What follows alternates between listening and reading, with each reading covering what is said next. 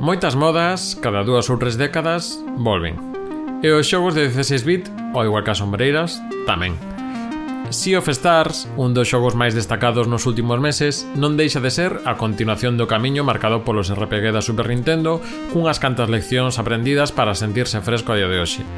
Mais nas portátiles, en Nintendo especialmente, os RPG desa época seguiron vivos nesas décadas escuras e evoluindo polos seus camiños, aínda que mantendo ese aroma de 16 bits. Saudos de Iago Gordillo, isto é Un día un xogo. Hoxe imos ver como o legado dos Final Fantasy, 3 e 4 en particular, deu lugar a novos xogos na Nintendo 3DS. Hoxe falamos concretamente de Bravely Default.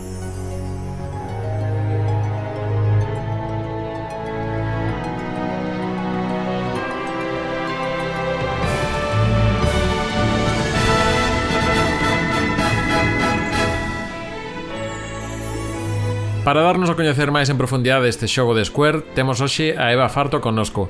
Boas, Eva. Hola, Iago. Eva Farto é programadora e colabora habitualmente co podcast Rejugando.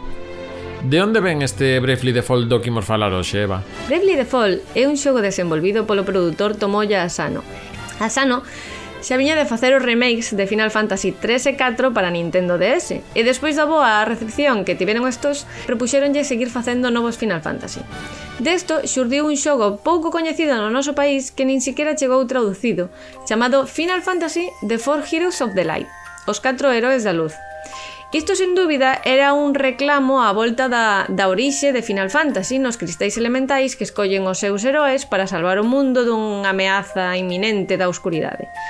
Como spin-off de Final Fantasy recolle moitísimos termos coñecidos e o comúnmente chamado lore da propia franquicia. Pois eso, oxetos, oficios, está fortemente inspirando por por Final Fantasy 3 e 4 nas mecánicas e na narrativa, pero ademais disto amplía e crea o seu propio mundo. Ao rematar este videoxogo, a Asano ofreceronlle seguir facendo máis xogos ligados a Final Fantasy, pero el prefire facer algo diferente e crear un xogo de rol novo aínda que polos seus gustos e traballos anteriores, vese moi influenciado por Final Fantasy, o que tamén supoñía un atractivo por os milleiros de fans da franquicia como son eu. a idea da Sano era facer un RPG tradicional sen pasarse de nostálxico para que tamén gustase ás novas xeracións de xogadores e así como naceu Bravely Default. Para a xente que disfrutamos moito do sistema clásico de RPG, É unha delicia de xogo, tanto en mecánicas como a personaxes como a historia.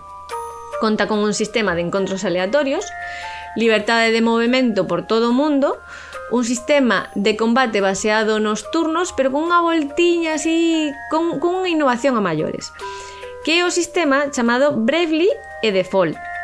Este sistema consiste en gastar ou reservar turnos que fai que os combates aleatorios sexan moito máis rápidos e os combates contra xefes de zona posúan un componente extra de estrategia. Con Brevli podes gastar ata 4 turnos seguidos por persoaxe. Por exemplo, inicia o combate e eu podo usar por cada persoaxe ata 4 comandos, atacar 4 veces, ou usar maxias, obxectos, habilidades. Que pasa? Que se estás no primeiro turno do, do combate e gastas 4 turnos, pois vas a estar 3 turnos sen poder volver a introducir un novo comando. Por outro lado, temos o default, que é precisamente o contrario. Reservar turnos manténdote nun estado defensivo no que recibes algo menos de dano e que permite ter no próximo turno un, un turno máis extra para un comando máis extra para poder utilizar e podes acumular ata 4, máis de eso xa non. Ademais de isto, para facer máis sinxelos os combates máis duros, porque este xogo en dificultade eh, en xeral nos combates aleatorios é moi asequible, pero hai combates contra xefes que son un poquinho duros, Hai tamén unhas mecánicas de axuda online cos teus amigos ou incluso con descoñecidos onde podes invocalos ao combate ou facer uso dos oficios que xa conseguiu eh, o teu amigo para avanzar no xogo con maior facilidade.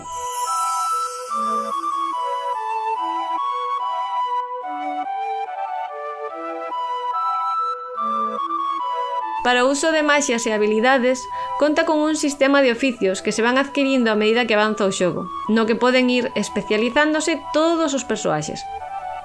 Esta é unha parte moi interesante do xogo, xa que, ademais de poder usar as habilidades do oficio, vas adquirindo destrezas pasivas equipables para as túas persoaxes.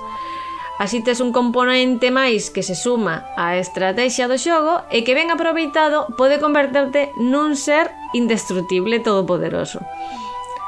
A historia narra as aventuras de catro compañeiros que vense compartindo camiño por motivos propios. O principal de todos vai ser, ao final, eh, ir visitando os catro cristais elementais que dotan de poder ao mundo, eh, que están esgotándose e isto provoca a decadencia das forzas da natureza e que o mundo se vaya marchitando.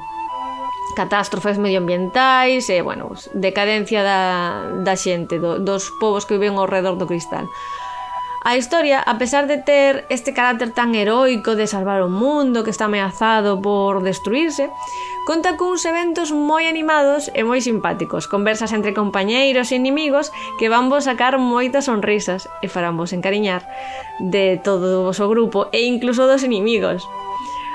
O máis comentado polos xogadores deste xogo, para ben e para mal, É que a historia vai te levar a unha serie de bucles, moitos bucles, no que parece case a día, o, o día da marmota, e que se non tes paciencia o xogo non te está gustando vais supoñer que pois o abandones a, debla, a debacle da xogabilidade e algún que outro problema. A min personalmente gustoume moito a fórmula utilizada sobre todo porque ten sentido na historia. Ao final de todo esos bucles teñen un sentido glorioso que vai vos deixar co cu torcido. Non vou dar detalles para non vos tropearvos a vosa experiencia, pero é das cousas que se che quedan grabadas a lume na vosa memoria para sempre. É unha maravilla. A nivel artístico conta coa música de Rebo, que é un compositor oriental moi coñecido, e a mando director de arte é Akiko Yoshida, que sen dúbida vai vos sonar de Final Fantasy, Tactics Ogre, incluso Nier,